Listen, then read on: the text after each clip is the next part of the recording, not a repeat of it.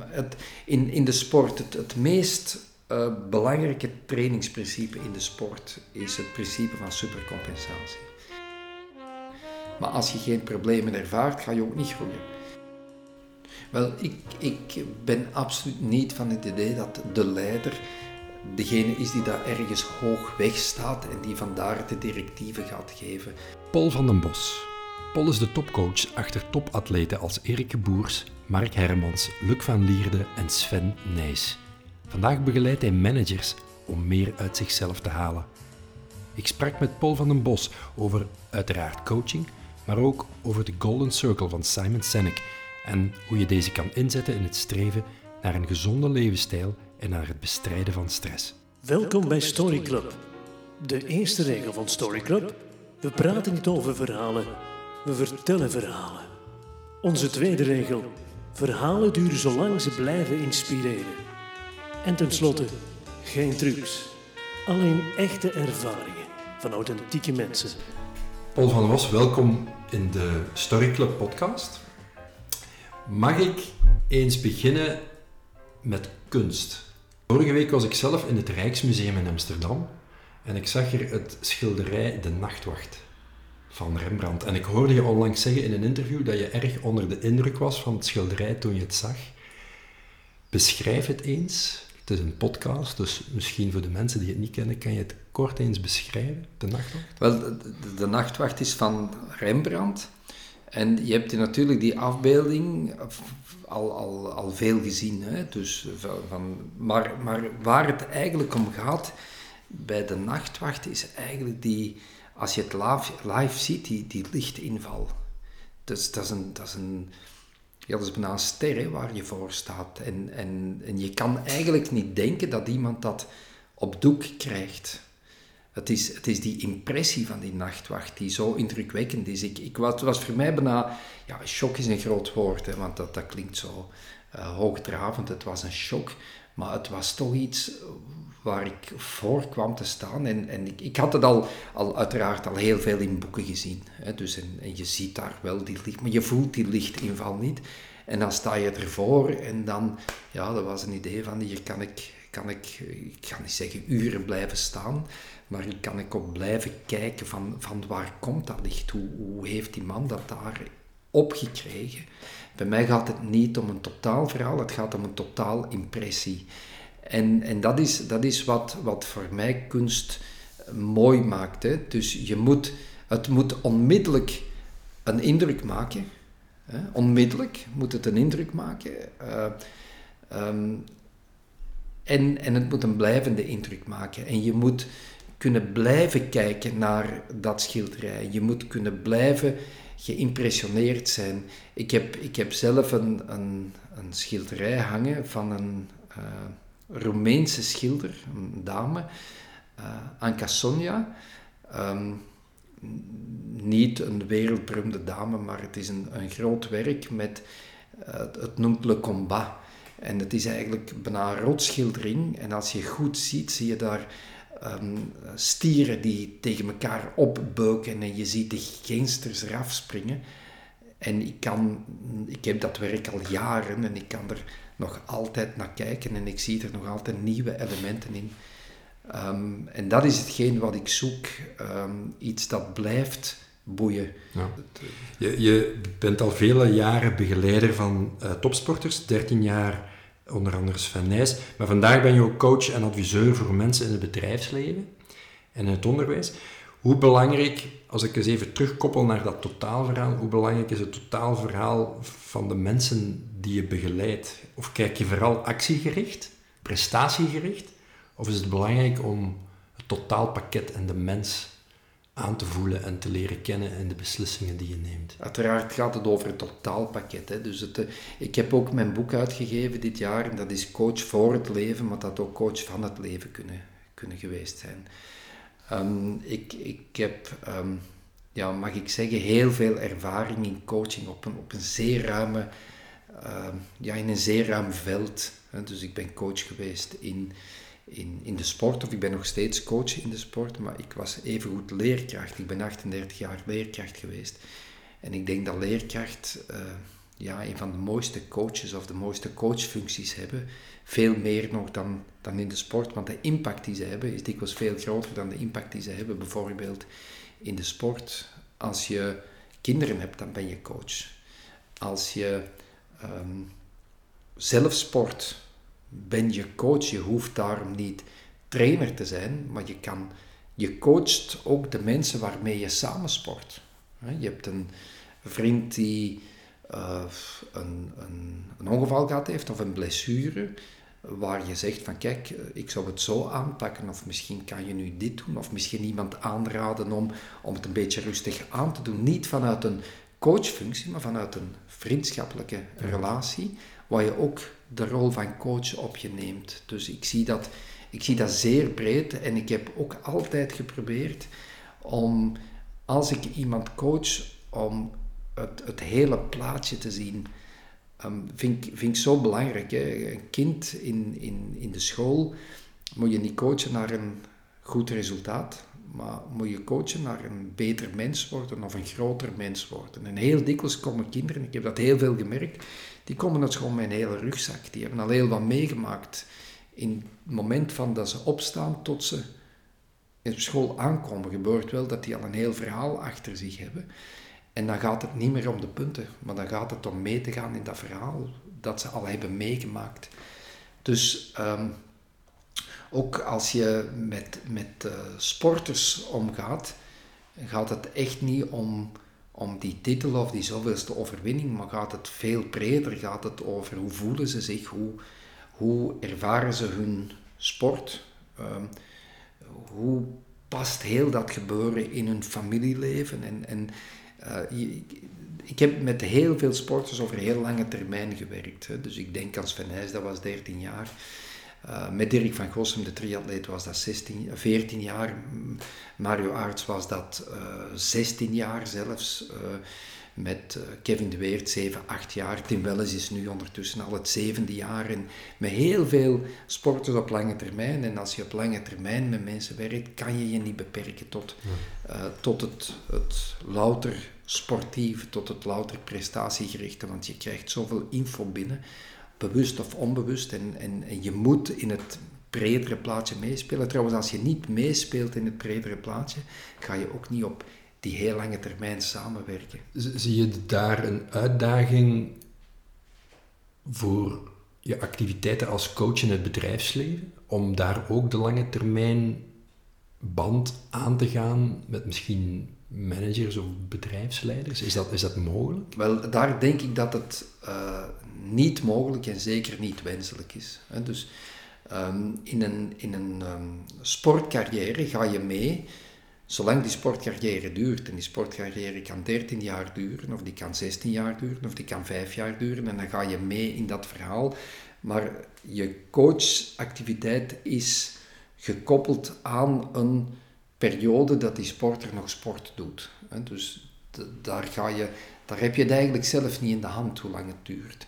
Nu, in het, als je mensen uit het bedrijfsleven um, coacht, dan, dan, dan krijg je mensen, heel dikwijls, die in een acute crisis zitten. En dan is het wel de bedoeling om hen veelal door klankbord te spelen en daarmee uit te halen, terug op een hoger niveau. Maar daar is de, de bedoeling wel om hen veel vlugger opnieuw los te laten, zo snel mogelijk.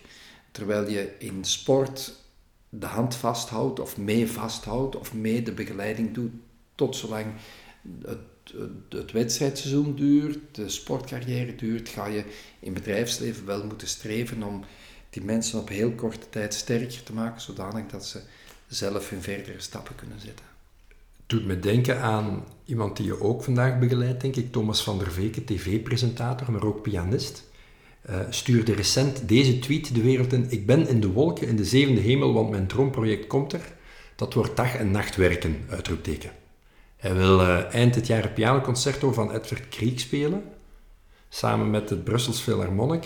Het werk staat bekend als onmogelijk, las ik. En jij zou zijn coach zijn, klopt dat? Wel, ik ben inderdaad zijn coach. Uh, dat is niet zo'n intense job. Uh, dat gaat meer... Ik, heb al een keer of vier hebben wij een uitgebreid gesprek gehad. Um, maar um, als je werkt met mensen buiten de sport, dan gaat het heel veel om hen te helpen een bepaalde structuur te vinden om bepaalde zaken te kunnen doen. Want structuur bij mensen binnen de sport is maar de logica zelf. Zij, uit zichzelf weten zij wel dat zij hun nachtrust nodig hebben, dat zij op hun voeding moeten letten, dat zij gestructureerd moeten trainen enzovoort. Maar mensen buiten de sport die niet worden afgewogen of afge, waar de afweging niet gebeurt op basis van seconden en meters en eerste en tweede plaats, het is allemaal veel vager ja, die hebben daar ook niet die structuur tegenover, tegenover de prestaties die ze moeten leveren.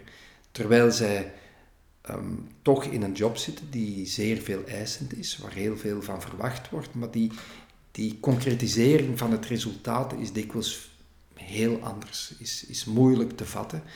Ehm, en dan merk je dat je bij die mensen heel veel uh, moet werken op structuur, op Ehm, focus. En eens ze dat hebben, zie je wel dat ze verdere stappen kunnen doen. Hè. Zo ook bij Thomas, Thomas van der Veken, is met zoveel zaken bezig.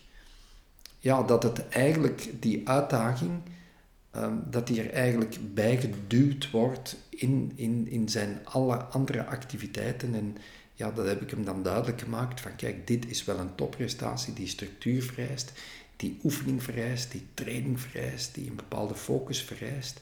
En, en het inzicht geven daarin is, is veelal een heel belangrijk iets. Want structuur en focus, ik had ook het woord relaxatie ergens opgepakt. Uh, dat je zei van, Thomas, je gaat pas beter worden als je ook relaxatie en rust ja. inbouwt in de chaos van alles waar je mee bezig bent datzelfde principe is evengoed van toepassing in het dagdagelijkse leven en in het bedrijfsleven. Want in het bedrijfsleven moeten mensen ook groeien. En ze kunnen maar groeien door inspanningen te doen. En die inspanningen die brengen stress met zich mee. En het is niks fout dat mensen gedurende een bepaalde periode stress hebben. Want het is pas als ze stress hebben, onder stress, dat ze gaan zoeken naar oplossingen voor problemen. Iemand die altijd in zijn comfortzone zit, die geen stress heeft, die gaat niet zoeken naar oplossingen voor problemen, want die ervaart geen probleem. Maar als je geen problemen ervaart, ga je ook niet groeien. Dus ik vergelijk een, een, iemand in het dagdagelijks leven met een sporter die beide leveren een inspanning, de ene fysiek, de andere mentaal. Beide gaan daardoor hun prestatiepotentieel verliezen. Een zakenman die heel de dag hard gewerkt heeft, die komt thuis ook moe binnen en die is niet in staat hetzelfde te doen als waarmee hij s morgens hmm. begonnen is. Het, doet me denken, Paul, aan, aan, aan het gesprek en het interview dat ik had met Robert van der Wallen een paar weken geleden, waar hij zei van, in het begin toen we dingen organiseerden voor managers, hè, de, de ex-judoka, uh, Robert van der Wallen die zei van, dan wou ik mensen vooral dingen laten doen. Heel actief. En vandaag in het bedrijfsleven, als ik mensen naar hier haal voor coaching, dan is het een uitdaging om mensen eens niks ja. te laten doen. En ze echt hier te houden en alleen al eens laten te ademen en te relaxeren. Wel, dat is het juist. Hè? Dus die, die, die mensen zijn moe, maar ze gaan pas beter worden, ze gaan pas kunnen groeien in hun job als ze tijd krijgen om te relaxeren. Als ze tijd krijgen om te ademen. Als ze, en, en daar is meer en meer aandacht Maar het is eigenlijk heel vreemd Vroeger was hard werken, hè, ga, ga, terug naar de Grieken en ga naar de Romeinen, dat was voor de slaven. En in de middeleeuwen had, was dat voor de lijfeigenen. En in het begin van de industriële revolutie was dat voor de arme mensen die 14 uur, 7 dagen op 7 moesten werken. De tijd van priester Daans, ga maar terug. En vandaag is hard werken een statussymbool geworden. Ik heb het druk, druk, druk. Want iemand die zegt, ik werk niet hard, die wordt eigenlijk bijna gezien als een luiaard. Als, het, is, het is heel vreemd. En meer en meer komt nu terug dat besef, ten gevolge van de burn-out, zo hoge kosten dat dat met zich meebrengt voor de maatschappij en voor de bedrijven, ja, dat er toch wel iets moet gebeuren en dat mensen inderdaad moeten leren, relaxeren en dat ze door het relaxeren op een hoger niveau gaan komen. Het, ik zie hier in jouw bureau een hele boel boeken staan. En waar mijn oog op viel, was het boek De Weg van Michael Poet. Want daar zitten we eigenlijk dan ook, hè, de ondertitel Wat Chinese filosofen ons over het goede leven leren. Ja. Daar, daar zijn we denk ik nu ook beland. Relaxatie is niet alleen gaan liggen en rust nemen, maar is eigenlijk ook in je hoofd. Is dat iets wat in je coachingsactiviteiten ook aan bod komt? Wel, dat komt uiteraard in mijn coachingsactiviteiten aan bod en ik ben er ook van overtuigd. Ik, ben heel overtuigd van de link tussen het mentale en tussen het, het, het fysieke. Dus mensen die, die, die uh, mentaal een probleem hebben, gaan fysiek niet herstellen. Dat zie ik bij sportmannen. Een sportman die fysiek, uh, die mentaal problemen heeft, dat heeft een impact op zijn fysiek potentieel. Maar mensen die fysiek sterk zijn, die gaan ook mentaal meer veerkrachtig worden. Dat is een heel grote link. En het relaxeren van mensen vandaag is hen heel dikwijls in beweging zetten, fysiek. En dat is hetgeen wat op dit ogenblik een beetje mijn kracht ook is om bij mensen te werken buiten de sport. Dat ik um, de ervaring heb om te werken op het mentale aspect, want dat doe je zeer veel als sportcoach en zeker als sportcoach van heel wat topatleten, waar het mentale aspect bijzonder belangrijk is. Maar anderzijds heb ik ook de kennis van het fysieke aspect en de impact van het fysieke op het mentale. En ook wetende dat sporten iets anders is dan bewegen en dat bewegen niet sporten hoeft te zijn. Maar mensen laten relaxeren, mensen het hoofd laten vrijmaken. Niet door maar in een zetel te gaan zitten of doelloos voor een tv-scherm te gaan zitten, maar door hen actief te laten zijn, door hen in beweging te zetten, helemaal aangepast aan hun niveau, is bijzonder zinvol vandaag. En het is wel zo dat bedrijven dat begrijpen, hè, want we zien dat meer en meer eh, bedrijven verantwoordelijkheid beginnen te nemen voor de gezondheid van hun werknemers. In meer en meer bedrijven wordt aandacht gegeven aan beweging, wordt aandacht gegeven aan relaxatie, wordt aandacht gegeven aan gezonde voeding. Er wordt geïnvesteerd naar die werknemers toe. Dus we zitten, we zitten wel in een, in een um, ja, laten we zeggen, in een, in een positieve vibe wat, wat dat betreft. Dus ter, ter, ja, met heel de aandacht voor meditatie en, en, en mindfulness kadert daar in het bedrijfsleven volgens mij ook wel binnen dan. Of zitten we daar op een ander spoor? Nee, daar zitten we op hetzelfde spoor. Uh, alles, alles gericht op het, op het relaxeren van, van, van, van je mensen. En dat kan inderdaad met mindfulness, dat kan met yoga, dat kan met, met stappen, de fameuze 10.000 stappen per dag. Hè. Er zijn heel wat bedrijfsleiders die vandaag zo'n stappenteller aan hebben. Ik ken bedrijfsleiders die als ze om 11 uur s'avonds hun 10.000 stappen niet gedaan hebben en ze zitten op 7.000, die nog extra dat toertje gaan doen om toch aan hun 10.000 stappen te komen. Daar komt een bewustwording dat het ja, dat, dat um, uh, less is more. Hè? Dus uh, je hoeft niet die 80 uur te werken. Trouwens, ik, ik, had, ik had ooit een, een, um, een bedrijfsleider en die, die had ook problemen, die zat vast en die is, ik, ik liet hem een agenda maken van wat doe je nu eigenlijk over de hele week. En hij kwam op 85 uur dat die effectief werkt. En dat deed hij effectief. Dat is bijzonder veel hoor, 85. Want mensen zeggen wel, ik werk 70, 80 uur per week. Maar dat is, dat is niet eenvoudig om 70, 80 uur per week. Want om 80 uur, dan moet je gemiddeld meer dan 12 uur. Dan, dan zit je meer dan 11 uur per dag. Zaterdag, zondag inbegrepen, is enorm veel. Um, en die deed die, deed die, die 85 uur. Um, ik heb hem laten inzien dat dat, dat, niet het meest uh, effectieve is om dat te doen, zoveel te werken. En uiteindelijk is die teruggekomen tot 65 uur, wat al meer menselijk was. En heeft hij mij ook duidelijk gemaakt dat hij beter functioneerde, dat hij ook beter gepercipieerd werd door zijn medewerkers, die ergens een kentering zagen bij hem. Dus eh, de idee van wij moeten elke dag tien uur werken is, is uh, ja, stilaan ook wel voorbijgestreefd. Met de Story Club podcast geloven we ook in de kracht van kwetsbaarheid.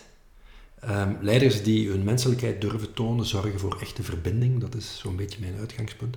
Dat brengt me ook tot jouw boek. Hè. Je sprak er al over de coach van het leven. En je zei, of ik las er ergens over, ik wilde naast de positieve ervaringen ook de onzekerheid, de kwetsbaarheid en de eenzaamheid van een coach laten zien. Ik wilde mezelf tonen, de mens achter de coach. Is dat, is dat voor jouzelf iets dat je makkelijk afgaat? Wel, ik, ik ben absoluut niet van het idee dat de leider degene is die daar ergens hoog weg staat en die vandaar de directieven gaat geven.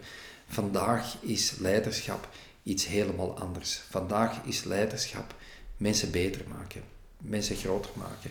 Vandaag is leiderschap van onderaan meewerken aan een organisatie en niet van, van bovenuit de, de, de directieven geven. Um, leiderschap is mensen doen groeien.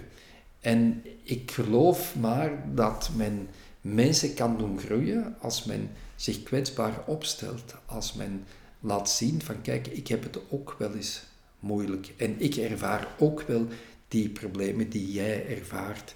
Je moet een verbondenheid creëren. En die verbondenheid die doe je niet vanuit een, een, een ivoren toren. Die verbondenheid die creëren van op hetzelfde niveau te duwen aan mensen, te trekken aan mensen, maar niet van, vanuit een, een verheven positie. Is dat iets dat je automatisch altijd goed is afgegaan voor jezelf, of heb je dat moeten leren?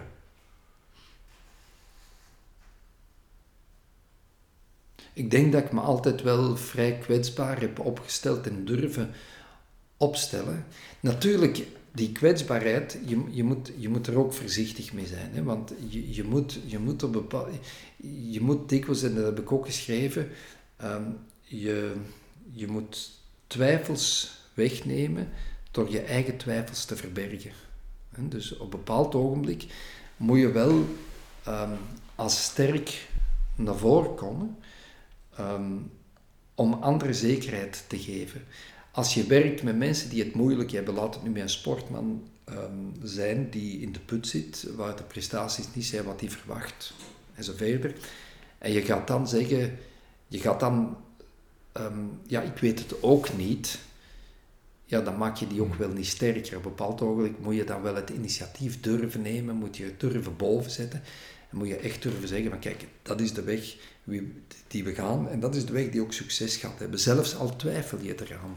Dus het is een spel van, van jezelf kwetsbaar opstellen en je kwetsbaarheid en je twijfels ook durven verstoppen. Ja, zelf zeg ik daar altijd over tegen uh, leiders in mijn coaching van kwetsbaarheid is niet wenen op een podium. je, je bent een, een sterke leider door je kwetsbaarheid te tonen, maar het is niet de bedoeling dat je de problemen die je nog niet verwerkt hebt op een ander gooit. Het is maar wanneer je de problemen of de moeilijkheden die je had verwerkt hebt, dat je er lessen kan uittrekken en het kan delen op een kwetsbare manier. En daar zit kracht in. Ja, dat klopt, maar ik, ik denk dat dat inherent is aan het mens zijn. Dus de, de, een, een, een, een leider moet mens zijn, moet menselijk zijn. En kwetsbaarheid is inherent aan mens zijn. Ehm, ik, ik denk niet dat vandaag mensen nog geloven in, in de alwetendheid en de almacht van de leider.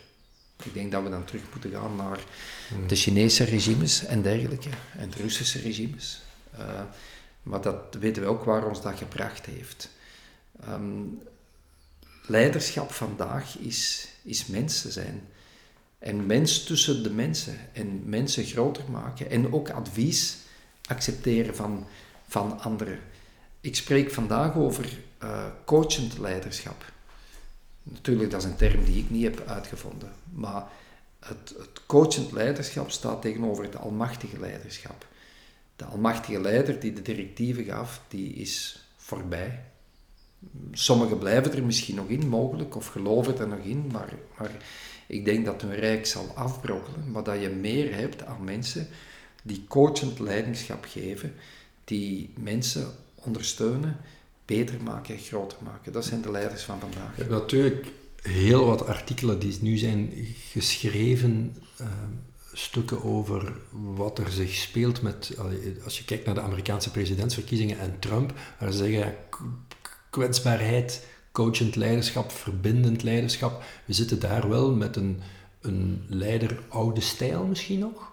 De, de macho top-down leider, de sterke figuur waar dan blijkbaar nood aan is. Ja, maar of er zoveel nood is aan Trump, daar heb ik enige twijfels over. Het is net de mensen die, die zich afgezet hebben tegen wat men noemt het establishment.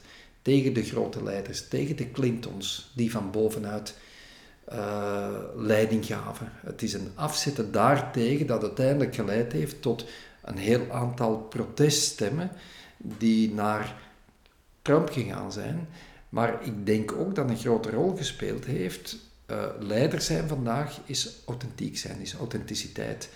En hoe fout hij ook is en hoe fout hij misschien zal blijken, Trump was tenminste authentiek. Terwijl de anderen niet meer authentiek waren, die, die vanuit, vanuit een verheven positie um, leiding wouden geven. Ik, ik denk dat het juist een illustratie is, de verkiezing van, van, van Trump. Eh, de mensen hebben gekozen, één, tegen het establishment, tegen de Ivoren Toren, zoals ze dat ervaren hebben, dat is één. En ze hebben gekozen voor authenticiteit. Maar jammer genoeg heeft die combinatie geleid tot de verkiezing van Trump. Maar ze hadden geen andere keuze, want vermoedelijk als er een derde nog in het spel zou geweest zijn, dan zou de derde eigenlijk um, gekozen zijn boven de pest of, of malaria. Misschien even naar uh, jouw periode als sportleraar, 38 jaar lang in de Rozenberg in Mol, denk ik. Uh, als leraar ben je ook een coach. Herinner je nog een gesprek met een leerling waarin je zag dat je als coach ook een directe impact had? Misschien een emotionele impact op, op de mens, daarom niet meteen op de prestatie. Wel, ik, ik kan een verhaal vertellen dat nu pas, pas gebeurd is. Um, want dikwijls ben je als leerkracht niet bewust wat de impact van je woorden is. Je bent er dikwijls gewoon niet van bewust. Je praat met leerlingen, je probeert hen te helpen. Um, en de wegen scheiden en je kan maar hopen dat het een positief effect gehad heeft. Maar je weet ook niet hoe ver dat positief effect gaat. En um, enkele maanden geleden, het is niet lang geleden, zag ik, gaf ik een, een cursus voor beginnende coaches. En daar was een uh, oud-leerling van mij uh, die er was. En ik zei tegen hem, uh, Wouter, proficiat dat je hier bent. Het doet me echt plezier dat je die weg hebt afgelegd. Hij was master lichamelijke opvoeding geworden. Hij maakt zijn weg in de coachwereld en hij volgt nog bijscholingen. En in die hoedanigheid zag ik hem terug. En ik, ik wenste hem dus proficiat daarmee. En hij zei mij, nee, zegt hij, zegt, ik moet u proficiat wensen. En ik moet u nog bedanken. Want uh, toen ik in het vijfde jaar zat, had ik het zeer moeilijk. Ging ik door een zeer moeilijke periode. En jij hebt toen op een middag gezegd, Wouter, kom eens af en we gaan eens praten. En je hebt een uur tijd gemaakt voor mij. En had je dat toen niet gedaan, was ik toen afgehaakt. Dat heeft mij ertoe gebracht om mijn jaar verder af te maken. En daarmee sta ik hier. Ik was dat verhaal vergeten. Ik wist dat niet, dat ik met hem gesproken had. Misschien als ik ver ga teruggraven in mijn geheugen, um, komt, het, komt het wel boven. Maar hij wist het nog. Dus en dan zie je dat je als leerkracht een enorme impact en een levensbepalende impact kunt hebben. Op een, laten we zeggen, toch vrij eenvoudige manier. Niet door wereldschokkende zaken te doen. Gewoon door een uur tijd te maken en om te luisteren van wat is, wat is het probleem en, en, en, en erover te praten. Herinner je een moment waar je zelf van iemand zo'n advies hebt gekregen? Waar je zegt van ik heb een periode of ik heb iets. Ik zal het nooit vergeten dat je van iemand advies hebt gekregen dat voor hem, voor degene die het gaf, misschien toen niet belangrijk leek, maar wat je altijd zal bijblijven?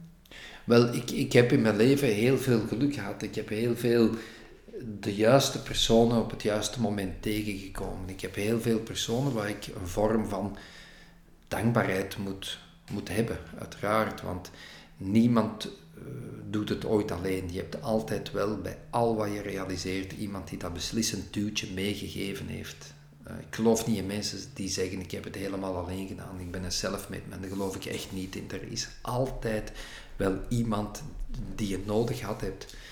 Maar in mijn coachcarrière is er een, een, een heel belangrijk iemand, en dat is dokter Bert van de Langenberg van Mol. Dat, is een, dat was een, of is een internist, was toen sportarts. En um, ik was hem toevallig tegengekomen, want ik was triatleet en ik ging bij hem voor uh, inspanningstesten. Hij deed bij hem op de praktijk inspanningstesten. Dat was in nu spreek ik van 1988, dat is, of 87, 88, is heel lang geleden. En ik ehm, zei hem dat het mijn ambitie was om coach te worden, sportcoach. En hij heeft mij toen opgepikt. Hij was toen arts van um, de Nationaal Motocrossploeg voor de Trofee der Naties met Erik Boers en zo verder. En hij heeft mij opgepikt en heeft gezegd, ja, zegt hij, dan kan ik u gebruiken, want ik heb hier een aantal jonge motocrossers, waaronder Stefan Everts, die toen ook bij hem kwam. En die hebben begeleiding nodig en ik wil een begeleiding opzetten. En uh, als jij wil, kan jij daar trainer bij worden. En dat is voor mij een heel belangrijke stap geweest, want ik ben daar trainer geworden. Ik heb zo Erik Boes leren kennen. Vandaar heb ik Georges Robé leren kennen. En, en, en de bal is aan het rollen gegaan. Ik was eigenlijk een jonge coach, een beginnende coach. Ik was toen 1 of 32, 31 was ik toen. En ik had direct contact met een aantal toenmalige supersterren van, van de Belgische sport. Erik Boer sportman van het jaar, Georges B sportman van het jaar. Ik werd een trainer, zij werden wereldkampioen. En ik kreeg dus een, een, een vliegende start in mijn carrière. En dat, dat is door de adviezen die ik van, hmm. van Bert van der Langenberg gehad heb, eh, vind ik toch, ja, die, dat is in, in, in heel mijn coachcarrière, zonder hem, zonder uh, de ontmoeting met hem, zonder de steun die ik van hem kreeg, het advies dat ik toen van hem kreeg, was ik waarschijnlijk als coach niet geworden wie ik nu ben. Als je je persoonlijkheid zou moeten omschrijven, hoe zou je dat doen als je drie woorden mocht gebruiken? Is dat iets dat je wat je zou kunnen als je er even van uh, Empathisch, uh, gevoelig, open mind. Dat komt er heel snel en vlot uit. Ja. Empathisch, gevoelig en open-minded. Ja. ja. Hangt ook een beetje samen. Die drie hangen, hangen een beetje samen. Mm, maar ik denk als coach dat ik, dat ik uh, open-minded ben, empathisch en, en ook wel gevoelig. Um, ja. Ik, ik sprak Christophe de Gree in een eerste uh, podcast enkele weken geleden en hij zei: Mijn persoonlijk credo hangt boven de deur. Dat is een, dat is een bordje en dat was goesting. Uh, heb jij zelf een, iets waarvan je zegt dat is een beetje mijn, mijn persoonlijk credo? Um, ja, persoonlijk credo. Um, misschien gevaarlijk, maar, maar stop nooit. Stop nooit. Um, ik, ik, heb, ik heb het idee dat ik zal blijven doorgaan en, en blijven nieuwe zaken te exploreren.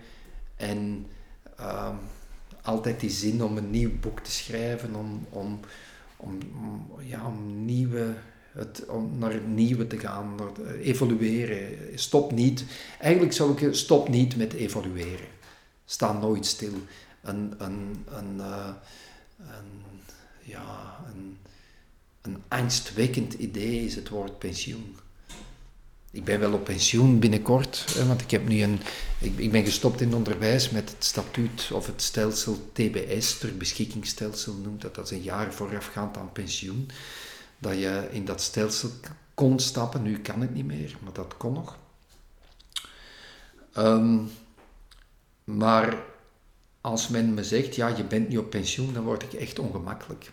Want pensioen staat bij mij gelijk bijna met stilstaan en evolueren, terwijl ik nog heel veel plannen heb en, en, en uh, nog altijd het idee heb dat ik vandaag niet weet waar ik exact binnen een jaar zal staan. Bij leven en welzijn zeg ik er altijd bij.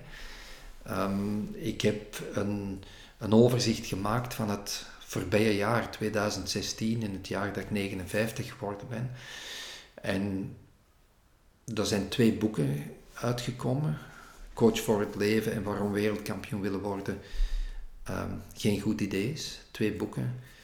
Um, daar is de afscheid van Sven en de film van Sven Daar zijn de, ja, de mooie overwinningen van mijn renners. André Grijpel, Tim Welles, Thomas de Gent.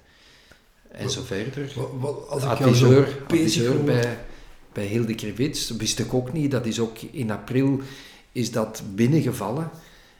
En dan dacht ik, ja, er is toch heel wat gebeurd in 2016. Absoluut, ja. En, en wat drijft jou?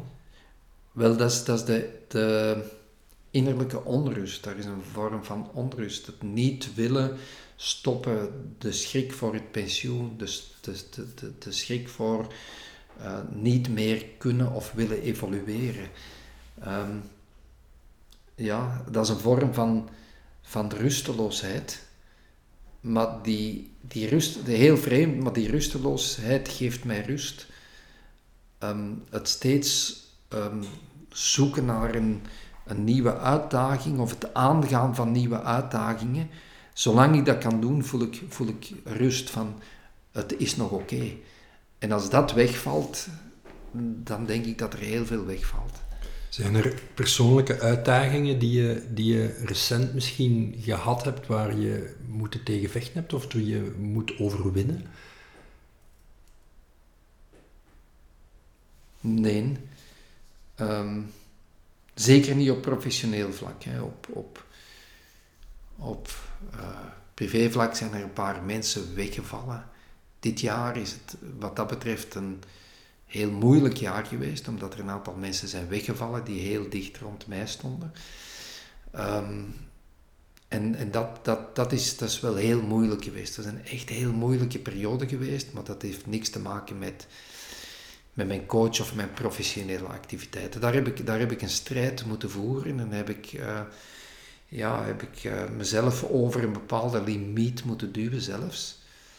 Uh, maar uh, professioneel en, en ook in mijn uh, eigen familie, vrouw, kinderen, ja, ben ik vooralsnog een, een, een geluksvogel. Ben ik, en professioneel ook loopt. Ik, maar ik heb, het, het, het voordeel is ook dat ik het gevoel heb van alles kan, ik wil nog veel, maar ik heb toch het gevoel, en dat is de rust van niks moet nog. Dat is ook, dat een, een, gerustigheid. Ik kan het doen vanuit een, ja, vanuit een luxe positie. Van, uh, dat ligt al heel wat achter mij uh, op professioneel vlak. Daar zal vermoedelijk nog heel wat komen, maar ik kan het ook zelf bepalen. Ik, ik, ik, misschien als ik mezelf ook wil, wil typeren, hè. ik heb drie woorden gezegd, maar dan onafhankelijkheid is, is voor mij onwaarschijnlijk belangrijk. Ik, heb, uh, ik ben in het onderwijs gebleven. Eén, omdat ik het zeer graag deed, maar dat me ook de kans gaf om volledig onafhankelijk mijn job buiten het onderwijs te doen. Want ik, ik, ik was niet afhankelijk van, van sporters, van een, van een uh, structuur, van een organisatie, want ik had altijd het onderwijs om op terug te vallen. Anderzijds, binnen het onderwijs voelde ik me ook comfortabel, want buiten het onderwijs had ik ook iets om op terug te vallen. En dat gaf me steeds uh, de mogelijkheid om een eigen weg te gaan in al wat ik deed. Nooit uh, moeten concessies doen, concessies die ingaan tegen je uh, opvattingen, tegen je visie, tegen je waarden. Dat is er nooit geweest, net door de veelzijdigheid van waarmee ik bezig was. Een van mijn drie kernwoorden zou vrijheid zijn. Ik hoor jou onafhankelijkheid zeggen. Is dat hetzelfde voor jou? Onafhankelijkheid of en vrijheid? Ja, ik denk dat het heel dicht bij elkaar aansluit. Hè. Maar hoewel je kan, je kan vrij zijn en toch nog afhankelijk zijn van iets. Je kan, onafhankelijkheid gaat verder dan vrijheid. Onafhankelijkheid is, is absoluut. Je bent Je bent absoluut vrij. Je kan je vrij voelen terwijl je toch afhankelijk bent van iets. Ehm, maar het, het komt heel dicht bij elkaar. We regelen of een daguitstap met jou en een van jouw all-time favorite helden. Dat mag levend of dood zijn. Wie zou ik kunnen bellen waar je zegt, fantastisch dat ik daar een hele dag kan mee doorbrengen? God, dat is geen gemakkelijke, omdat enerzijds zijn er heel weinig mensen waar ik echt naar opkijk, omdat ik bij heel wat bekende mensen al achter de façade heb kunnen kijken en, en merken dat zelfs de, de grootste held of de grootste, ehm, ja, de grootste geëerde held, dat dat meestal ook maar mensen zijn met al hun kleine kanten en grote kanten en, en gebreken en, en mooie zaken. Misschien iemand die je nog niet ontmoet hebt of mm, iemand dus- die er niet meer is. Dus, ehm, maar ik, ik heb hem al vernoemd. Hè. Ehm, ik heb Mon van den Einde. Mon van den Einde was de... Ja, was eigenlijk de coach in, in de jaren 60, 70, 80. Ik denk dat hij in 1986 overleden is. En ik zag naar hem op als coach zeker. En ik had ook les van hem. Hij gaf in sportkot bij ons gaf hij psychologie en trainingsleer, sportpsychologie, trainingsleer. En uh, het, ja, er was een grote afstand in die tijd tussen een professor en een student. En hoewel ik naar hem opkeek, naar de prestaties van Ivo van Damme en Emil Putmans en zo verder, ja, heb ik nooit de kans gehad om met hem echt te praten. dus dat was wel een contact op een examen en soms is tijdens een les. En misschien zou ik. Eh, ik had ook altijd het gevoel dat hij nooit het achterste van zijn tong liet zien. Van hoe ging hij nu echt te werk als coach. En misschien zou ik, zou ik eens een dag met hem willen optrekken en de gesprekken die ik niet gehad heb, om die dan alsnog te kunnen voeren. De mens achter wie jij is. Ik hoor in, in jouw uitleg van, ik, het is een voorbeeld dichtbij, en toch van wie is die mens daarachter? Dat is iets, hè, sommige mensen noemen van, ik zou graag Obama ontmoeten, of, maar je zegt eigenlijk van, kijk, ik heb al zoveel mensen gezien, en helden zijn ook maar gewone mensen, en de mens achter die held, wie hij is met zijn kleine kanten, dat is eigenlijk iets dat je dan het meest interesseert. Maar in, in, in, dit, ja, in dit geval zou ik, zou ik de mens van den einde beter wil, willen leren kennen. Ik heb ook achteraf vernomen dat hij een enorme kunstverzamelaar was. Um, zijn huis zou, dat heb ik ook, uh, zou bijna een kluis geweest zijn, hè, omdat hij daar zoveel kunst in had. Maar dat is iemand waar ik naar opzag en waar ik uiteindelijk nooit de kans gehad heb om, om daar echt contact mee, mee te krijgen. En ja, ehm, ja wie, wie was hij, maar ook het, hoe, welk waren zijn technieken, hoe, hoe is hij erin geslaagd om van Gaston Roelands goud naar Mil Putmans zilver, naar Ivo van Damme twee keer zilver, naar zoveel wereldrecords, Mil Putmans 1313 op 5000, hoe is hij erin geslaagd om met zoveel verschillende atleten die onwaarschijnlijke topprestaties te leveren? Wie was die? Wat was, wat was zijn wat was zijn, zijn geheim? Wat was, zijn, was dat zijn charisma? Was dat zijn um, onwaarschijnlijke trainingsmethodiek die erachter zat? Was dat de psycholoog die op het beslissende moment die atleten net over die grens kon, kon duwen? Dat intrigeert me wel. Dat ik, ik, zou, ik zou de, de, de mens en de trainer van den einde wel wel beter willen leren kennen. Als stichter van het bedrijf Energy Lab is het ook je missie om zoveel mogelijk mensen in beweging te brengen en in beweging te houden. Dat is ook vandaag denk ik een actueel thema nog steeds, maar ook een ambitieus, een ambitieus doel. Wel, mensen in beweging zetten en vooral op een verantwoorde manier in beweging, dat is, dat is wat mijn leven getypeerd heeft. Ik was leerkracht LO en altijd in beweging, of leerlingen in beweging zetten. Het was wel in een sportafdeling, het was dus niet zo moeilijk om hen in beweging te zetten, want zij moesten het doen. Zij kwamen er ook voor en dat was ook een luxe situatie.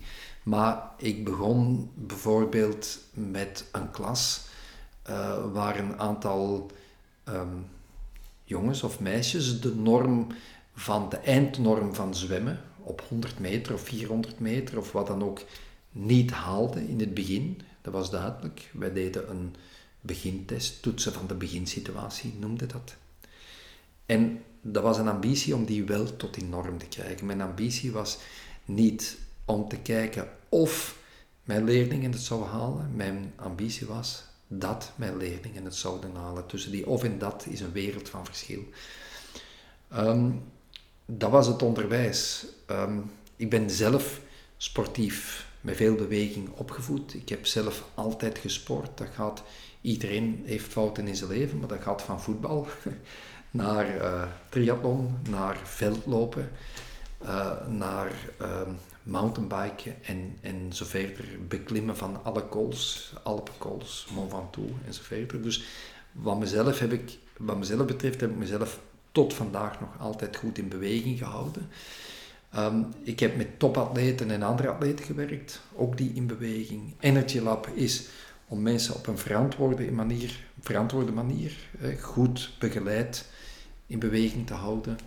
Uh, nu met, met heel de Krevits, dus mee een plan ontwerpen om meer beweging te kunnen verkrijgen bij alle leerlingen op school, wat niet makkelijk is, want je botst tegen heel wat structuren. Het is, het is, niet zo om te zeggen van we gaan nu elke dag een uur lichamelijke opvoeding, dat kan dus niet. Het, moet op een andere manier, het moet hier geduwd worden, daar geduwd, die mogelijkheid geopend, die deur geopend.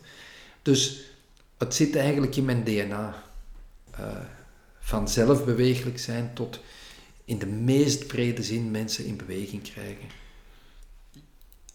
Je spreekt ook over het belang van, van bewegen en een gezonde levensstijl bij het bestrijden van stress. En, en ik las een artikel waar je dan verwees naar een van mijn helden ook, Simon Sinek, met zijn eh, Golden Circle, het hoe, het wat en, en het waarom. Hoe link je die twee aan elkaar? Hoe link je Simon Sinek met zijn...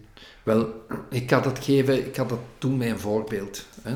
Uh, dat is een onderzoek geweest um, naar de participatie in de Antwerp 10 Miles. Uh, en dan blijkt dat 70% van de mensen die voor de eerste keer deelnemen, stoppen met lopen op het ogenblik dat ze de finish overschreden zijn. Uiteraard stoppen ze, want de 16 kilometer zit erop, maar ze lopen nooit meer. 70% dat was in 2014. Dat is enorm, Van de mensen die voor de eerste keer deelnemen aan de 10 miles, die lopen die 10 miles en dan is het gedaan met lopen. En dan gaan we naar Sinek. Simon Sinek zegt, je moet beginnen met why, waarom doe je iets, wat zijn je waarden, vanuit een visie. En dan ga je zien hoe dat je die waarden en die visie gaat waarmaken en van daaruit ga je komen tot een bepaald product, tot het wat. En dat is Simon Sinek, de Golden Circle. Nu, als we teruggaan naar die lopers, die beginnen bij het wat. Die zeggen in januari, hm, die 10 miles, dat lijkt mij wel iets. Waarom? Dat weten ze eigenlijk niet. Uh, dat is misschien omdat ze dat op tv gezien hebben en dat was een mooi event, of ze hebben een buur die ook de 10 miles gelopen heeft, of zo verder. En zij zeggen, ik ga de 10 miles lopen, wat? Dan gaan ze zich de vraag stellen, hoe ga ik het doen? Hoe ga ik me voorbereiden? Ze gaan een boek kopen over looptraining, ze gaan bij een atletiekclub, ze gaan online trainingsschema's zoeken, whatever. Ze beginnen te trainen, ze zijn klaar met hun training, ze lopen de 10 miles, ze finishen en ze hebben het wat gerealiseerd. Ze zijn niet uitgegaan van why. We gaan het nu eens uitgaan van why. Er is iemand 1 januari en die zegt van... Ehm, ik voel me eigenlijk niet goed. Uh, ik heb veel stress. Ik heb ook overgewicht en eigenlijk zou ik toch wel beter willen functioneren, zowel privé als in mijn beroepsleven. Dat is een visie, een why. Ik zou beter willen gaan functioneren en ik moet iets aan mijn conditie doen en, enzovoort. Dan gaat hij de vraag stellen, hoe ga ik dat doen? Ah, ik ga dat doen door een dieet te volgen, ik kan dat doen door te sporten. Ehm, en in sport heb ik dan ook de keuze tussen fietsen, tussen cardiotraining, zwemmen, wandelen, joggen. Gaat kiezen voor het joggen. En die begint met een start-run. En die werkt de start-run af. En, en dat gaat goed. En na verloop van tijd kan die 5 kilometer lopen. Na verloop van tijd kan die 10 kilometer lopen. En die kan meer en meer lopen. En dan zegt hij van, hé, hey, die 10 miles, dat lijkt mij wel iets. He, want ik kan nu al 10 kilometer lopen en ik denk die 16 kilometer, daar raak ik ook wel. En dan start hij in die 10 miles en die finisht. Maar uiteraard gaat hij wel blijven lopen, omdat hij niet 10 miles gelopen heeft omwille van het wat, maar die is begonnen vanuit het why. Die is begonnen van, ik wil performanter worden en ik moet iets aan mijn stress doen en ik moet iets aan mijn lichaamsgewicht. En, en zo is die uiteindelijk aan het lopen gekomen en dan is die 10 miles een wat dat maar een tussenstap is in verdere stappen in een gezonde levensstijl. En die denkt er niet aan om, om te stoppen met lopen. Ja, dat is een prachtig voorbeeld. Ik had het nooit vanuit uh, sport op die manier bekeken. Vertrekt coaching voor jou dan toch ook altijd vanuit de why en de identiteit ja. van de persoon? Ja, mijn, mijn coaching, mijn coaching is, is, is nooit gestart van ik ga uh, trainingsschema's verkopen, want dat is uiteindelijk het wat. Ik ga, ik trainingen maken en die, of ik, ik ga uh, mij bekendmaken als coach en ik kan jou helpen en je betaalt mij en, en dat is het wat. Mijn visie is, ik ga coach worden en ik ga proberen mensen zo goed mogelijk te maken. Ik ga die helpen om te groeien in hun sportbeleving, in hun sportprestatie. Dat is eigenlijk, eigenlijk de waai. Mijn eerste atleet die ik had, daar heb ik tegen gezegd, ehm, ik ga je helpen, maar je gaat me nooit moeten betalen, je moet alleen doen wat ik zeg. Ik heb die niet gezegd van, ik ga je elke week een trainingsschema geven en dat kost per week zoveel of per maand zoveel. Ik heb gewoon gezegd, ik ga je helpen en ik ben coach, ik wil coach worden, ik heb iemand nodig, ik heb een atleet nodig en gaan wij samen aan het werk. Dat was eigenlijk het begin. Hoe dat ik dat ging doen, daar stond ik niet bij stil. Dat is achteraf gekomen. Dan ben ik met de vraag gaan stellen, hoe ga ik dat doen? En, ik, en, mijn idee was, ik ga het gewoon beter doen als, als iemand anders. Ik investeerde al het geld dat ik had en zelfs meer dat ik had aan hartslagmeters, aan melkzuurapparatuur. Ik verbouwde mijn garage en ik had een, een, een, eigen labo hier. En ik deed zelf mijn, mijn, mijn melkzuurtesten. Ik denk dat ik in begin de jaren 90 de enige particulier in heel België was die een eigen labo had waar melkzuurtesten konden afgenomen worden, waar zuurstofopname kon gemeten worden, waar ik ontwerp mijn eigen, mijn eigen uh, software. Daar heb ik ook heel veel geld in gestoken. En uiteindelijk kom ik dan aan de trainingsschema's die ik geef. Maar ik ben uitgegaan, daar ben ik van uitgegaan en vandaar is het gegroeid en gegroeid en gegroeid. Maar ik ben nooit uitgegaan van dit jaar wil ik zoveel atleten trainen aan dat bedrag en zoveel schema's wil ik verkopen. En, en dat, is, en dat is het wat. En mijn coaching, dat vertel ik, heel dikwijls word ik door mensen, door jonge mensen aangesproken en heel dikwijls zijn het oud-leerlingen. Um, en die zeggen, ik wil doen wat jij doet. Dat lijkt me wel iets om met topsporters. En hoe kan ik met zo'n topsporters? Ik zeg, nee, nee. Ik zeg, dan moet je, je moet beginnen. Je moet de passie voelen. Je moet begint mensen te, te begeleiden. Begint met het idee, ik ga mensen beter maken. En van daaruit zal het allemaal groeien. Maar begin ermee. Als wij in Energy Lab, uh, onze bottleneck is eigenlijk het, het vinden van goede mensen om te komen werken bij ons. En soms gebeurt het, het is niet soms, heel dikwijls gebeurt het dat je mensen krijgt die op sollicitatiegesprek komen. En dan de klassieke vraag is, waarom kom je solliciteren bij ons, bij Energy Lab? Wat, wat brengt je ertoe om, om hier te komen solliciteren? En dan heb je mensen, het is verschillende keren gebeurd, te zeggen, ja, coachen is mijn passie. Dat is mijn passie. Mensen coachen, dat is hetgeen wat ik wil doen en dat wil ik al jaren doen, dat, dat is mijn passie. En dan stelde ik de vraag, hoeveel mensen coach je nu? Ja, geen enkele. Ja, hoe geen enkele? Nee, geen enkele, want ehm, ja, ik ben een beginnende coach en niemand wil mij betalen. En ik heb ook niet het materiaal om dat te doen. Ja, dan houd het op. Want zij mikken op het wat, zij mikken op het coachen van mensen en het afnemen van testen. Dus je zou die persoon moeten bevragen van waarom wil je, waarom denk je dat coachen jouw passie is? Wat drijft jou? Nee, als daar die passie is, als er waarom in zat, was hij al lang bezig met coaching. Als je, als je zegt, ik coach geen mensen omdat ze mij niet betalen als beginnende coach, dan ben je bezig met wat. Als je zegt, ik wil, als de passie is om mensen beter te maken, dan ga je mensen coachen zonder dat er een vergoeding of, of, of misschien een minimale vergoeding. En dan ga je groeien als coach. Maar als je uitgaat van het wat, van het verkopen van trainingsschema's, ja, dan, dan ga je het niet redden. Hoe, hoe zou je deze filosofie gebruiken in het bedrijfsleven als je nu een CEO of een bedrijfsleider die met een acute crisis zit, die gecoacht wil worden? Is het inzetten van, van de why en wie ben je, wat drijft je, wat is je passie, wat is je identiteit, waar ben je mee bezig? Ga je tot die diepgang moeten komen als je eigenlijk zegt we starten een coachingstraject? Ik denk het wel. Ik denk dat je, dat je wel diep moet durven gaan. Ehm, van, van, van, van kijk, waar zit, waar zit je probleem? Waar zit het? Het, het probleem is, is, is eh, als, als, een, als een, um, een CEO zegt, mijn medewerkers willen niet mee, dan moet je durven afstappen van de medewerkers die niet meegaan, maar dan ga je misschien moeten gaan, waarom willen die niet mee? Wat zit er in, in jou waarom zij niet, niet meegaan. Dat is de essentie.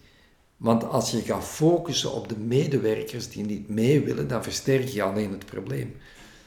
Als er iemand mij vertelt, ik heb problemen met mijn raad van bestuur, en, en die maken mij het functioneren onmogelijk, dan moet je niet gaan, niet gaan focussen op die raad van bestuur, maar dan ga je op, op de mens zelf. Waarom? Uh, loopt het mis. En dat kan zijn dat dat te maken heeft met een, een, een overdreven controledrift. dus het, het, het, proberen controleren van zaken die niet te controleren zijn en die misschien verantwoordelijk zijn wel van de raad van bestuur, maar niet van, van de CEO. Ik, ik noem maar wat. En, en je, moet, je moet durven graven in, in, in de persoon zelf, in, in waar zit het, waar, wat, wat maakt welke why maakt dat je niet kan functioneren met je raad van bestuur? Welke why maakt dat je niet kan functioneren met je medewerkers? Waarom krijg je niet iedereen op dezelfde lijn? Maar ik is Paul, van waar jouw passie komt ook om die koppeling nu nog meer naar het bedrijfsleven te brengen. Hè? Je hebt toch heel veel vanuit de sportwereld sporters gecoacht. In het bedrijfswereld is er evenveel nood aan. Um, het is natuurlijk een andere wereld. Een van jouw titels van jouw lezingen voor het bedrijfsleven is denk ik groter maken, groter worden, groter zijn. Uh, kan je daar iets meer over vertellen? Wel, ik denk dat het een normale evolutie is. Hè. Dus ik heb, eigenlijk heb ik, heb ik het idee van, in de sportwereld heb ik het wel gezien. En dus have been there, have seen that. Ehm, ik, ik denk dat, dat wat binnen mijn mogelijkheden lag, dat ik het allemaal heb meegemaakt. En ehm, toen ik het boek schreef, Coach voor het Leven, was dat eigenlijk een soort ja, groot woord testament. Ehm, het, het, het einde, en ik zit wat dat betreft in een uitdoofoperatie. Ik heb nu nog vijf mensen die ik begeleid, maar er komt niemand meer bij. En elke keer als er iemand afhaakt, zal er iemand afhaken. Maar ik ga ze ook niet dumpen. Hè. Dus dat is de reden waarom eigenlijk die sportcoach-carrière nog, nog doorloopt. Maar ik heb ehm, in mijn um, sportcoachloopbaan uh, een enorm netwerk uitgebouwd. Heel vreemd. Op alle mogelijke vlakken. Dat gaat in het bedrijfsleven, dat gaat in de politiek, dat gaat in, in de media, dat gaat in de entertainment. Ik, ik heb een enorm netwerk uitgebouwd via mijn coachbestaan. En dan kom je ook wel in contact met heel wat andere mensen buiten de sport, waar je ziet dat er, um, waar je ziet dat er um, heel veel parallellen zijn tussen het presteren in de sportwereld en het presteren in de bedrijfswereld. Dat zie je. En automatisch wordt er over gepraat en automatisch leg je links en automatisch geef je advies, ook omdat dat advies gevraagd wordt. En je komt stilaan in die andere wereld terecht. Die ik wereld die je, ja, en die je ook interesseert. En die me ook interesseert, omdat ehm, ik, ik, ik, het, boeit me ook. Ja, je ziet mijn boekenrek, je ziet het, het soort boeken dat er dat erin zitten. Er staan nog heel weinig sportboeken in. Alleen degene die ik zelf geschreven heb en al de rest zitten achter deuren en zitten in andere uh, boekenrekken. Uh, omdat, het, omdat het ook mijn, mijn interesse is, omdat ik ehm, ja, daardoor een, een rijkere coach, niet financieel, maar ook een rijkere coach geworden ben. Het versterkt. Het... Zou ik mogen zeggen dat het stopt niet met evolueren dat dat voor jou vandaag jou een stuk drijft? Dat je zegt, hoe kan ik mijn ervaring inzetten in het bedrijfsleven? Het is evolutie, het is vooruitgang, het, het, het, het houdt mij ja. bezig. Dat is wat mij ja. drijft. Blijven, blijven gaan, niet stilstaan, evolueren. Dat heb ik er straks ook ja, even aangehaald. Blijven gewoon, er zijn, er zijn nog zoveel uitdagingen. Ehm, en, en ja, vanuit de luxe situatie dat het niet moet, maar dat het kan en dat het mag. We zijn 10 januari 2017. Wat mag ik jou wensen voor 2017? Wat staat in jouw bucketlist vooral, hoog? Vooral gezondheid voor de mensen die rond mij staan. Mijn, dat, is, dat is mijn grote, mijn grote vrees dat ehm, mensen die, die kort rond mij staan. Uh, en, en dat kort dat mag, dat mag redelijk ver gaan hoor. Dat is niet dat dat maar, maar dat, dat, daar iets, dat daar iets mee gebeurt. Dat is, dat is mijn, als, ik, als ik mocht weten dat 2017 een, een gezond jaar wordt, uh, vooral voor de mensen rond mij, dan, dan zou ik uh, op mijn twee knieën gaan zitten, dat dat kan. Ja, is dat ook iets van, van het pijnlijk moment waar je naar refereerde in 2016 van mensen die zijn weggevallen, dat dat dan top of mind is, dat je denkt van, ja, je, je, je, kijk anders naar het leven dan? Ja, je, je wordt... Uh, ja, ook mee een, op een bepaalde leeftijd, ik durf het haast niet te zeggen, maar ik word ondertussen ook 60 dit jaar. Um, je wordt op een bepaalde leeftijd, um, ja, besef je dat, het, dat het, het, het leven eindig is. Op 30 jaar is, is, is het eindeloos. Hè? Dus, maar op een bepaalde leeftijd zie je dat er zaken rond, rondom je gebeuren. Uh, ja, weet je ook van, kijk, uh, de, de kwaliteitsjaren worden sowieso beperkt. Je weet, als je 60 bent, ben je pak beter dan wanneer je 70 bent. En je bent pak beter dan wanneer je 75, maar 70 is maar 10 jaar weg. Als ik terugkijk naar mijn 50, dat is, dat is net of het was uh, twee jaar geleden. Dus uh, je, je, je, je wordt er dus echt wel bewust van, van, van de eindigheid van, van alles. Hè? Door wat er gebeurt uh, in je omgeving, door uh, je eigen leeftijd. Ja, dat, dat speelt toch wel.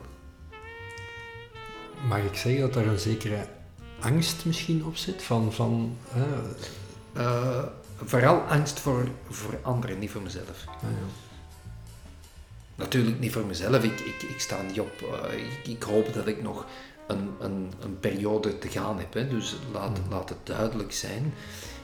Maar Um, maar vooral, vooral voor de anderen rond mij. Ik, ik denk dat ik uh, uh, voor mezelf met bepaalde zaken beter zou kunnen omgaan dan dat ik ermee kan omgaan als het, als het naast mij gebeurt.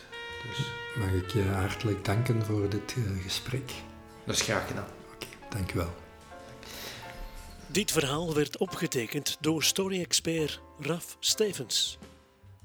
Heeft het je geïnspireerd? Kijk voor meer verhalen op Raf's website. Ga naar rafstevens.be. Daar vind je ook Raf zijn meest recente boek. Sterke verhalen, sterke leiders.